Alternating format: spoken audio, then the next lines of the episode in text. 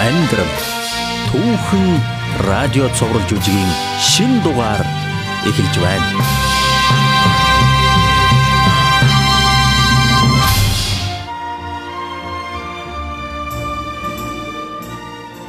Өнөөдрийн түүхийг Ариун Библийн Маркийн сайн мэдээний номоос сэдвчлэн бэлтгэлээ.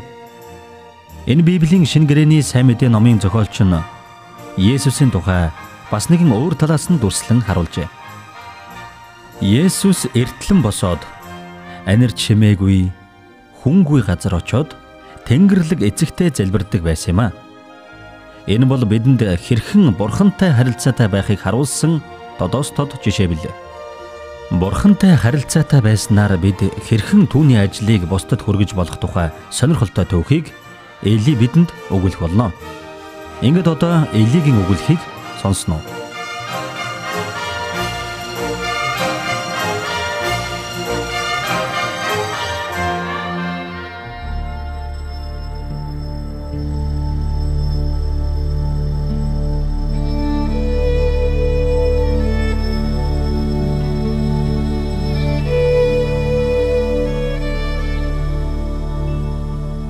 Миний нэрийг Эли гэдэг л дээ. Би бол тариачин хөөн. Зан чанараар би өөдрөг сэтгэл хангалуун хүн л дээ. Мөн үзэгсэлэнд эхнэрээр өрөөгцөн. Миний үзэгсэлэнд эхнэрийг Лия гэдэг. Бид хоёр гэрлээд 10 гаруй жил болсон. Гэхдээ энэ хугацаанд зөндөө олон найз нөхдөж боллоо. Гэхдээ бас ч үу дажгүй гэр оронтой болсон гэж. Харин хамгийн харамсалтай нь гэвэл бид хоёр хүүхэдтэй л болсонгүй дээ. Гэхдээ тэгсэн чинь нэг өдөр би гэртээ ирсэн чинь эхнэр маань надад баяртай мэдээд олгодог юм байна. Тэр нь юу гэж? Эхнэр маань хүүхэдтэй болсон гэж надад хэллээ. Тийм ээ. Ингээд бид хоёр Луис гэдэг хөөхөн охинтой болсон юм да.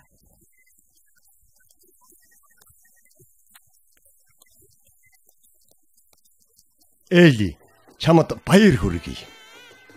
Өөдсгөн охин чинь яг л ээжгэн үзгсэнтэй сайхан гэж. Бурхан чамайг хөвгүү доктор ивэж өнөр өтгөн болгох болтугай. Раби танд баярлалаа. Охин маань бид хоёрын цорын ганц хүүхдчгэлээ. Би маш их баяртай байгаа шүү. Чамд заяасан энэ үр чинь охин хүүхэд. Тариалангийн ажилд чинь туслах хөвгүүттэй болоогүйдэн чи арай гонсгор явдаг юм биш үсттэй. Үгүй дээ Раби. Огтхон ч гонсоогоогүй. Бурхны ивэлэр газар нутаг маань үржин шимсэн. Бас тариалан дээр олон жил ажиллах хүч чадлыг надад хайрлсан юм да. Харин бидэнд юу хэрэгтэйг бурхан мэдэж ийм бяцхан хөөхөн охиныг бэлэг болгосон. За за. Найзраа наашаа бүгдээрээ энэ баяр хөөргийг хамтдаа сайхан цэнгэцгээ найзнараа.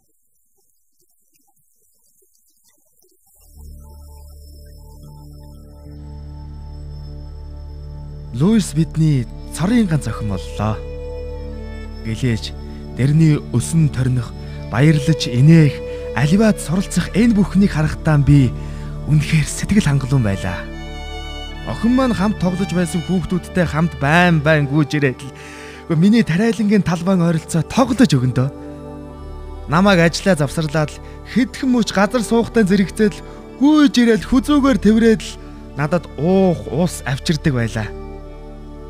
Лия, Луис бид гурав дандаа л хамтдаа байна. Бид үнэхээр сайхан амьдарч байлаа.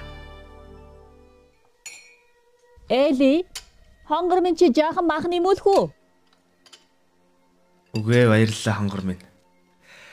Би бүр цадчихлаа. Аа. Конкид бодоод байсан чинь Лия. Аа Чи чинь ээж аваагаа хамгийн сүүлд хизээ эргэж очлоо. Мч 2 жил өнгөрцөн юм байна штэ. Аа. Нэрэ дараа 7 хоногоос Хэрам авгаатайгаан Кебернам руу явна гэсэн. Луис таарыг хэрвээ хүсвэл дагуулад явъя гэж байна лээ. Үгүй хээли ямар сайхан санаа вэ наадах чи. Гэхдээ хөгшин минь чи надаар тариалан дээрээ туслуулах шаардлага байхгүй мó тэгээд? Буудай боловсроогүй. Ургац хураах цаг арай л болоогүй байна. Ийм боломж гарсан дээр нь чи явж эцэг эхтэйгээ уулзсан нь илүү дээр гэж би бодож байна л да. Тэгээд ч Хирамын гэр бүлтэй хамт Луистэй хоёрыг аюулгүй аялах болно гэж би итгэж байгаа шүү. Үгүй хонгор минь чим үуч халамжтай хүн шүү. Өгөнж би чамааг ганцааран чинь үлдээмээргүй л байна. Гэхдээ өнгөрсөн удаа айлчилснаас хойш Луис маань ямар том болсныг хараад аав ээж минь үнэхээр баярлах байх л та. Үгүй гэхдээ нэрээ боломж гарсных Луис бит хоёр яваад ирдэг чинь билүү?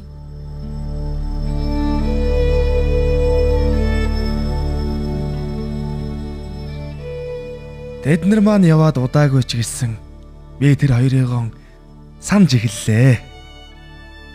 Луиси маань найзууд талбайгаар шуугилдаж тоглоход тэдний дунд охины минь дуу сонсогдохгүй над руу ирэхгүй байхаар би охиныхон улам их санаж байлаа. Талбайгаасаа гэртээ ирэхэд ханхайсан хоосон гэр намайг угтаж Вэ би ганцаардлаасан болоод өөрийгөө өрөвдөж эхэлсний яана. Ингэх тусамд би тэр хоёрыгоо илүү их хайрламаар л байлаа. Нэг өглөө би шууд угаа ухаж байгаад гарыг минь дагаад цус гарч байхыг гинт харлаа. Энд одоо яасан юм бол доо гэд гайхаад үтсэн чинь хоёр хурууны минь үзүүрээс цус гарчихсан мөртлөө ерөөсөө өвдсөнгүй. Лавшруулаад сайн үтсэн чинь Хорооны минь нарис яг л өмөрчихсөн юм шиг харагдлаа. Шохон цагаан өнгөтэй болчихсон. Үгүй би урд өмнө нь ерөөсөө ийм зүйлийг харж байгаагүй юм байна. Гэхдээ тэр нь цэврүү биш ээ. Тариачны хувьд цэврүүдхийг би зөндөө л үзэж байсан. Би эрүүл хороонуудаа модоор хатгаад үзсэн чинь мэдээтэй байх юм. Гэхдээ тэгээд өнөө цус гарсан хоёр хурууга модоор хатгаад үзсэн чинь Яасан гэж ямар ч мдээгүй болчихсон байлаа. Би ухсхийн гэрлүүгэн гүйх зур миний доторх айц түгшөөр арилахгүй улам нэмэгдлээ. Би гэртээ орж ирээд унтлагын өрөөнөөс Лиад байдаг жижигхэн толийг яарч твдэн ирлээ. Би өөрийгөө толинд харахаас эмээж байсан ч үннийг мэдж авах шаардлага надад байлаа. Тэгээд би нүүр, хамар, чих бас хүзүүн дээрх арьсан дээр минь өөр ямар нэгэн шинж тэмдэг илэрвүү гэж бодоод харсан чинь зүүн чихэн дээр минь охины минь хумсны хэмжээтэй цайсан тод харагдлаа. Чи юу болж байна? Би тэр даруй шахаагаан тайлж хөлөө угаалаа. Тэгээд хөлийн 3 хуруун дээрээс олж гарсан зүйл нотлох баримт боллоо. Чихэн дээр минь хин нэгэн шивнэх шиг уйман яравч уйман яравч. Гурван өдрийн дараа би талбайгаа арчилж ямар хөөр хилэлтэй болсноо мартах гэж хичээж байсан чинь Луис охин маань баяртайгаар цангасаар над руу гүйгээд ирэхэд нь би юу ч бодлоогүй охиноо тэрч авлаа.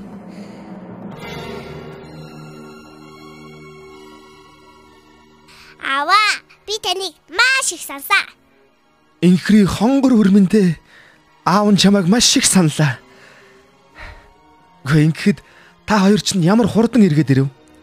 Охин чинь чамайг бүр санаад Тэс чадалгүй хирамыг бас бусд хүмүүсийг эртгэн харьяа гэж ятгахсаар байгаа л хүрээд ирлээ. Кэли минь бид хоёр хоёулаа чамайг гом их саналаа шүү. Аваа, би танд их хайртай. Би ч бас та нарыгаа хичнээн их сансан гэж миний онцгой эрхэм хоёр хадагтай байхгүй болохоор энэ гэр чинь эзгүүрч ханхаараад ямар эвгүй байсан гэж. Аа тэр хата тэр шүүх хата. Чамтайгаа хамт байх ямар сайхан юм дээ. Үгүй чи минь их л ядарсан харагдах юм. Би гэртээ үлдээд чамдаа туслах байж тээ.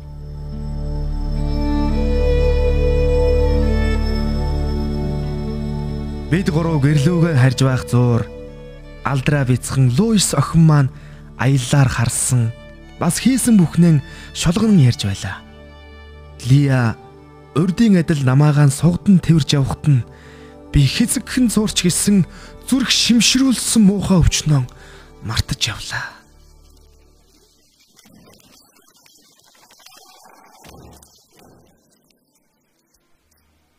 Гэ нахан маань Гөм их ядарч. толгоогоо дэрэн дээрээ тавимагцаал унтаа төглөө. Ш. Ядарсан байлгүй дээ. За тэгээд ээж аав чинь би сайн уу? Оо тэд маань сайн байна лээ. Аа бүр тэтгэврт гарахгүй гээд. Харин ээж тамир тэнхээтэй сайхан л байна. Эли. Харин чамааг нэг юм зоогоод байх шиг. Чи арай талбайд байхдаа бэртчиг үз. Над гар чин болттой байх чинь. Үгүй үгүй би бэртээгүй бэртээгүй. Оочлаарай. Гэхдээ би чамд нэг юм үзүүлэх гэсэн юм аа. Харин чи намайг боолтоо авахд битгий надад гар хүрээрээ. Пөөх. Над хурууч нь яач хавэ? Чи бэртээгүй юм бол хурууны чи өзөрөд хайжчихсан юм бэ? Үгүй. Чи над би харин одоохондоо сайн мэдчихгүй л байна. ингээ хонгор минь над хуруунууд чинь одоо Яа. яана. Чи миний энэ зүүн чихийг хардаа. Алуу би Байц чи битгий гар хүрэлтэй. наатха. Үгүй хонгор минь наа чиг чин бүр өмөрчгсөн юм шиг цагаан сарл. Үгүй эли минь чи эн чин эн За чин тийм ээ тийм. Энэ оюун өвчин би би мэдэж байна. Мэдэж байна. Оо бурхан минь ийм юм хязгаарч байж болохгүй. Араас та ийм юм болно гэж юу вэ? За яах вэ? Маргааш би синагог руу очиод энэ толбуудаа рабигаар шинжүүлэхээс Би би чам та хамт явах хонгор минь. хэрэггүй хэрэггүй. Жим гэртээ үлд. Хөөрхи алдраа бицхэн гуйстайгаа хамт үлд. Тэрэнд хэлэх цаг одоохонд арай багаагүй Чи ийм байна. хуруунууд ямар амар юм би. Чи юу болж байгаа юм бэ? Алуу алуу би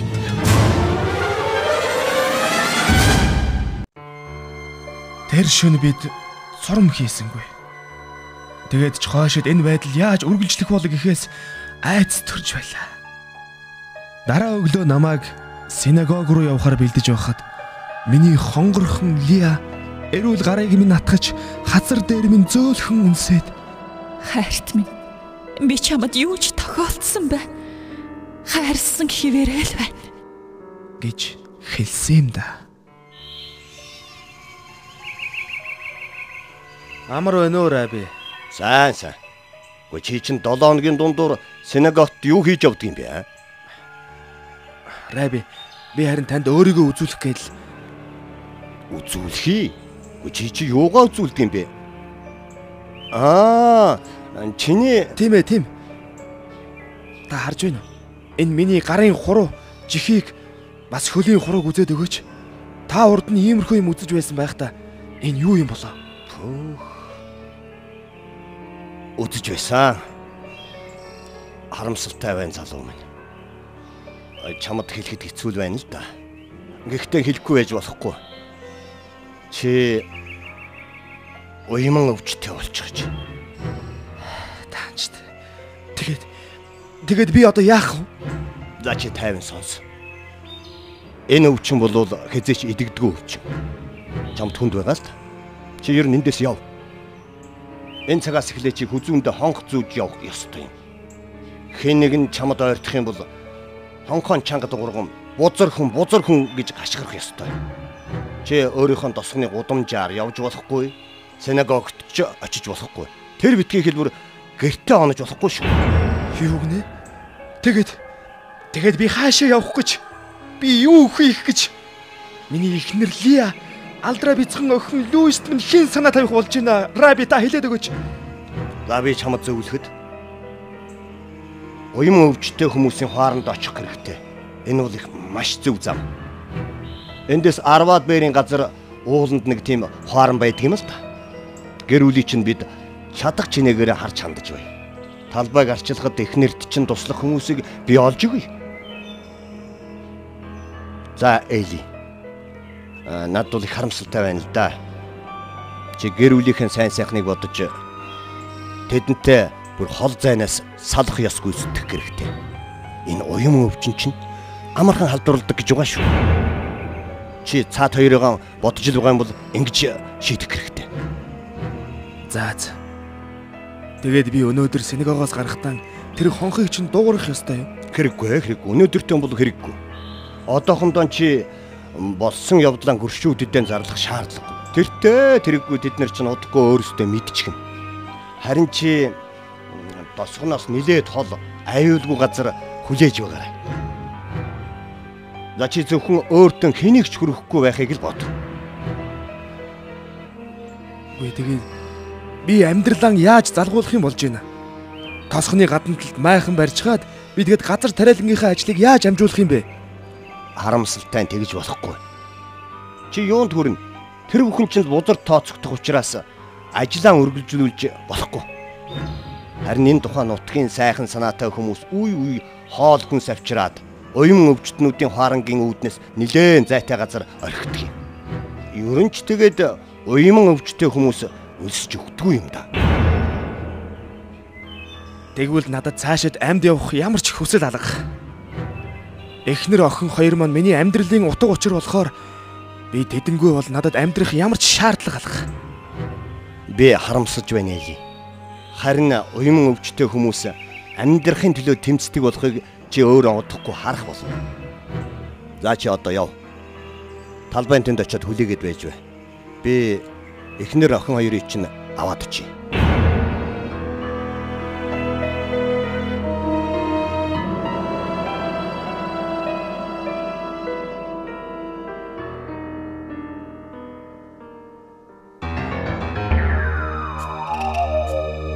Рабигийн зөвлснөөр би талбай дээр очиод тэр гурвыг хүлээж байсан чинь цаг орчмын дараа Раби хэлсэн ёсоор миний эхнэр охин хоёрыг дагуулад ирж яваа харагдаж байна. Аа тэр би ажмаар. Тэр гурав уруулаа уйлжээ.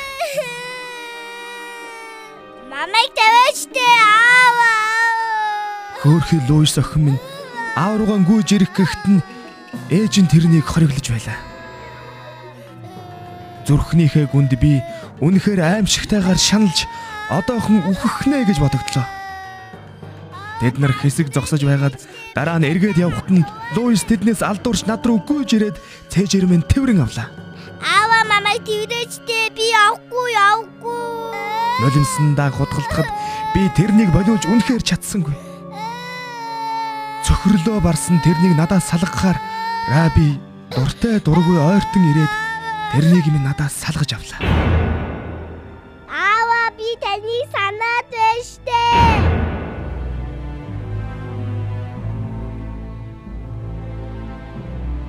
Тэд нэр надаас холдсоор байхад хамгийн сүүлд миний охины Аава та хайцах юм бэ? гэж ам тэмцэн уйлсаар холдохыг л би сонсоод үлдсэн юм да. Хөөрхөн охины минь тэр үс тэр хашгираан нь олон сар жилийн турш надад сонсогдсоор огт мартагдахгүй болсоор сэтгэл санаанаас ерөөсөө салахгүй дагсаар байлаа.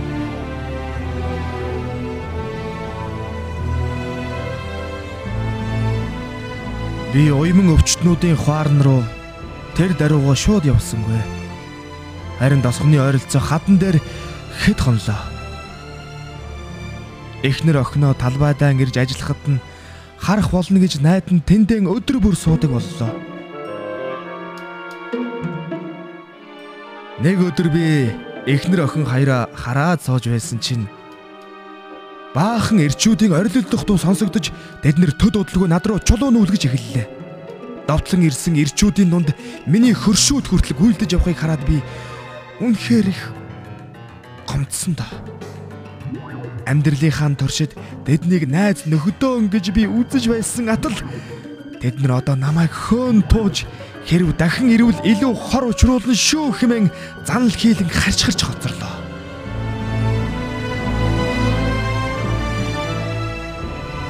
Ингээд би улмын өвчтнүүдийн хуаранг олоход тийм ч хүнд биш байлаа. Намайг тийшээ хүрээд очиход нийгмийн хог шар гэгдэх тэр хүмүүс ойлгосон бас өрөвдсөн хандлагаар хүлээж авлаа. Бид энэ зөвхөрөнгөө байдлаасаа болоод хов заяатайгаан бүгдээрээ л эвлэрцгээсэн байлаа. Миний баруун гарын хуруунууд удалгүй бүрэн идэгдэж хөл маань үнэхээр муудсан тул би арай ядан явдаг боллоо. Намайг нэрвсэн уйман өвчин маш хурдан тархаж намайг үнэхээр сүйрүүлж байлаа. Миний бие дээгүр дүүрэн цагаан хайрс болон задгаа яр шархууд үүсэж би өвчнөд идүүлж байсан. Ийм хүнд байдалд би бүхэл бүтэн 6 жил амьдэрсэн юм да. Тэгтэл гайхамшигыг үйлдэгч өвчнүүдийг эдгээгч нэгэн хүний тухай яриа хуаран даяар тархлаа.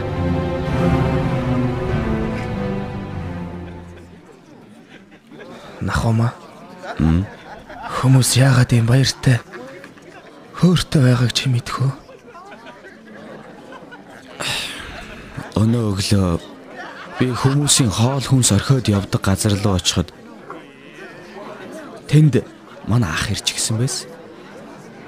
Тэгээд надад Есүс гэдэг хүний тухай ярьж өгсөн. Тэр хүн хаа сайгүй явж ямар ч өвчнийг эдгэж байгааг юм лээ. Ах чинь тэгээд чамтагч хэлсэн хэрэг үү? Тэр өөрөө яг эдгэхийг нь харсан болов. Тийм гэсэн. Ах маань тэрний араас өөр 7 хоног дагаж явсан гэсэн. Тэр Есүс зөвхөн өвчтөө хүмүүсийг эдгээгээ зогсохгүй. А бас бэлэвсэн эмхтэн хүүг нь хүртэл амилуулсан гэсэн шүү. Юу гэнэ? Гэхдээ тэгээд бид тэр Есүсийг хаанаас олж болохыг ах чинь чамд хэлсэн үү? Үгүй л дээ. Гэхдээ тэрний эргэн тойронд хүмүүс дандаа бүчиж явдаг гэсэн.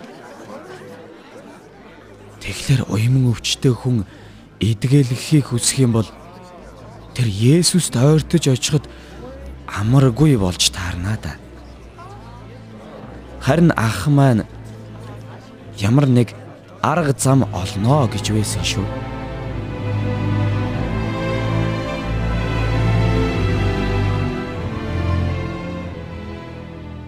Би уг нь бусдын тусанд найдаад явдаг хүн биш л дээ. Тэрүүгээрээ ч би бардамнаж явдаг байсан юм.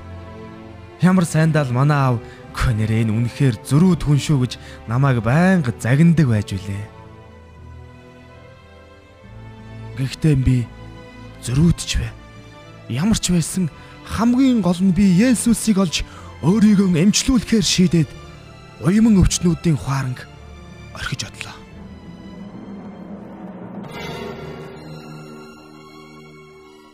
Би хинээс асууж хаашаа явхаа мэдэхгүй байсан ч хамгийн гол нь би тэрнийг олох хэрэгтэй гэдгээ л мэдэж байлаа. Ийхүү би дөрвөн өдрийн туршид тэнүүчлэн ирж хайсны эцэст өлсөж ядарснаасаа болоод сулдж унлаа. Өглөө үүр цайхаас өмнө миний хэвтэж байсан газраас холгүй толгод руу нэг хүн өгсөж явахыг хараад биений ухаан балартлаа. Тэгээд дахин сэрсэн чинь хэсэг хүмүүс хоорондоо Есүс тэнд байна гэж хэлхийг нь сонсоод би эгээтэл зүрх минь амаар гарчихсангүй. Би тэдгээр хүмүүсийн ардаас бараг элгээрээ мөлхөх шахам уулууд мацтал өөрөөр миний харсан өнөө хүнийг тэд нар Есүсээ гэж дуудаж байхыг нь би сонслоо.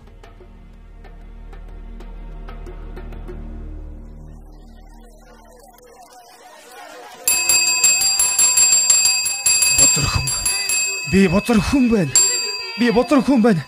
Алё. Есүс. Есүсээ гуй. Та хүсвэл намайг эмчлээд өгөөч. Та намайг эмчлээд өгөөч те Есүс. Би хүсч байна. Цэвэрчгдэн. Анд минь чи одоо бас оцогсон. Миний гараас барь. Би чамд туслая. Чамайг хэн гэдэг вэ? Намайг Эли гэдэг ээ. Эли. Чи хүнд ч юу ч ярилгүйгээр замаараа явж бие тахилчдад үзвэл.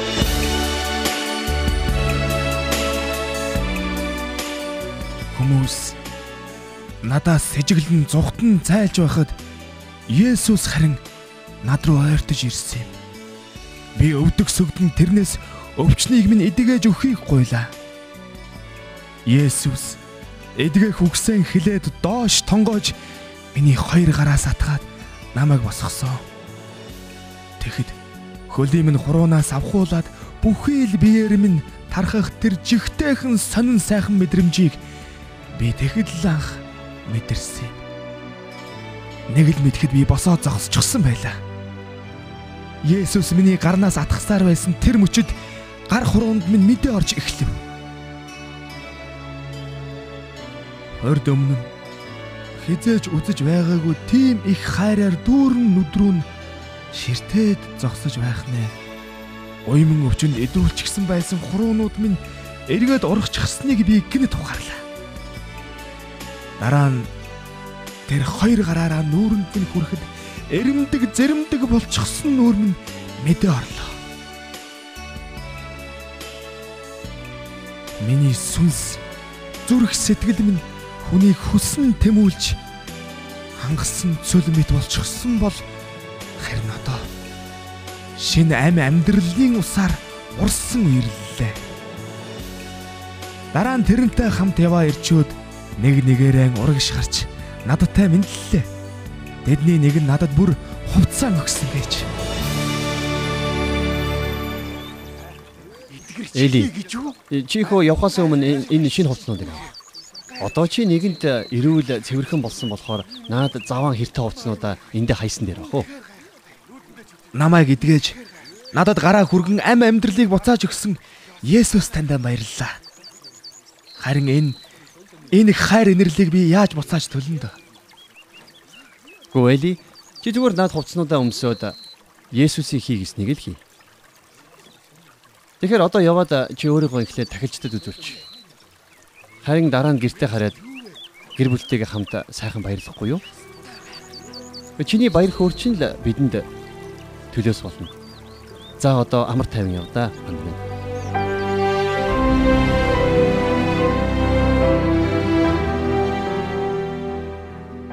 Олон жил би таяг тулсан.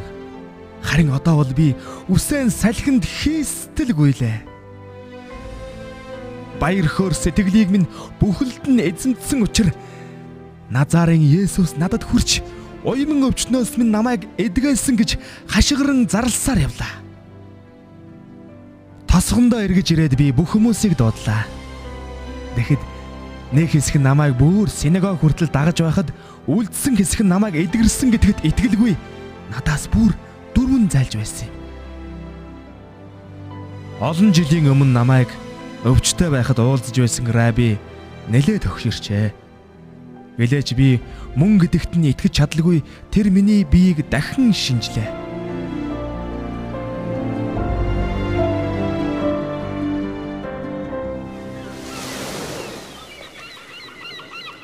Раби Раби та хурдан наачир да. Энэ их шуугаан чинь юу вэ? Чин Эли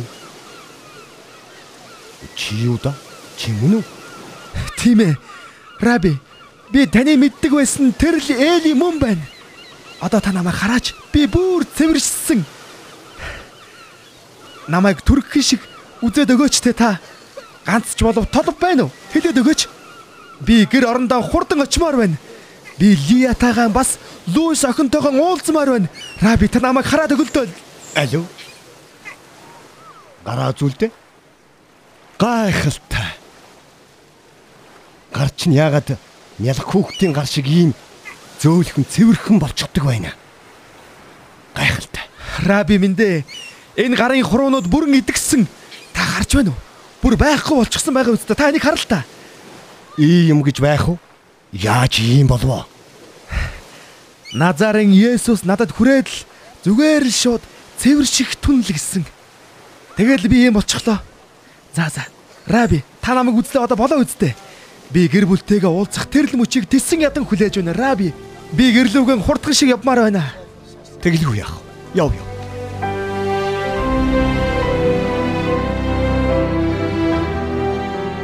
Хайрж ирсэн тэр мөчийн баяр хөөргийг би юугаарч илэрхийлж чадахгүй нэ.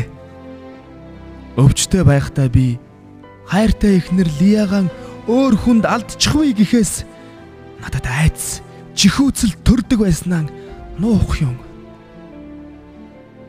Гэхдээ уйман өвчин туссан хүн гэдэг чинь өгсөнтэй адил учраас Лиагийн хувьд би үгүй болсон шиг л байсан байх л да.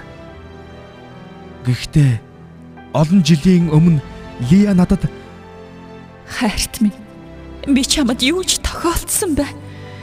Хайрсан хിവэрэл байна. гэж хэлэхдээ үнэхээр зүрхнээсээ хэлсэн байжээ. Тэр өөрийгөө надад хадгалсаар тариалангаа шавч явсаар өдийг хүргэжтэй. Залуу сайхан бүсгүй болсон миний хонгорхон бяцхан Луис охин аавынхаа төлөө үргэлж залбирсан бас аавыгаа нэгэн өдөр гэртээ эргээд ирнэ гэсэн найдвараа хизээч алдаагүй гэдгэн надад ярьж өгсөн.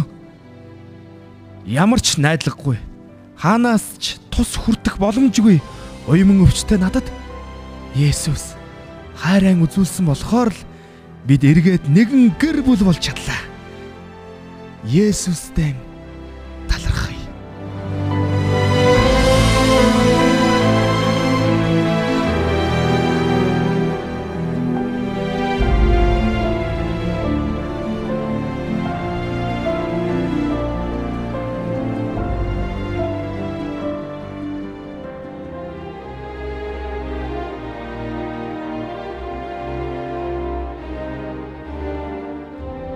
Мэргэн сонсогч та магадгүй энэ өвчний талаар урд өмнө сонсож байгаагүй ч байж болох юм. Тэгвэл энэхүү өвчин нь хүний бүхий л эд эсийг эдээ бээрээр шархалуулж эд эрхтэн нь аажмаар тасарч ундаг маш аимшигтай өвчин юм.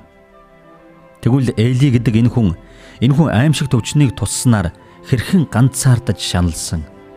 Ямар ч найдлага, ямар ч тусламж байхгүй мэт байсан тэрээр Есүс Христэд итгэсэн амьдрал нь түүний хувьд гайхалтай эдгэрэл байлаа.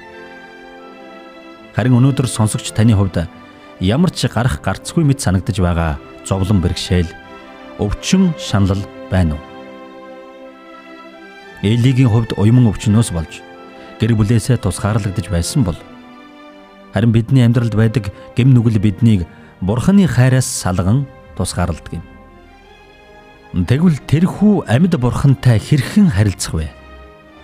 Зөвхөн түүний хайраар л өгч чадах амар тайван хүч чадлыг зөвхөн Есүс Христийн тусламжтайгаар олж авах боломжтой юм шүү.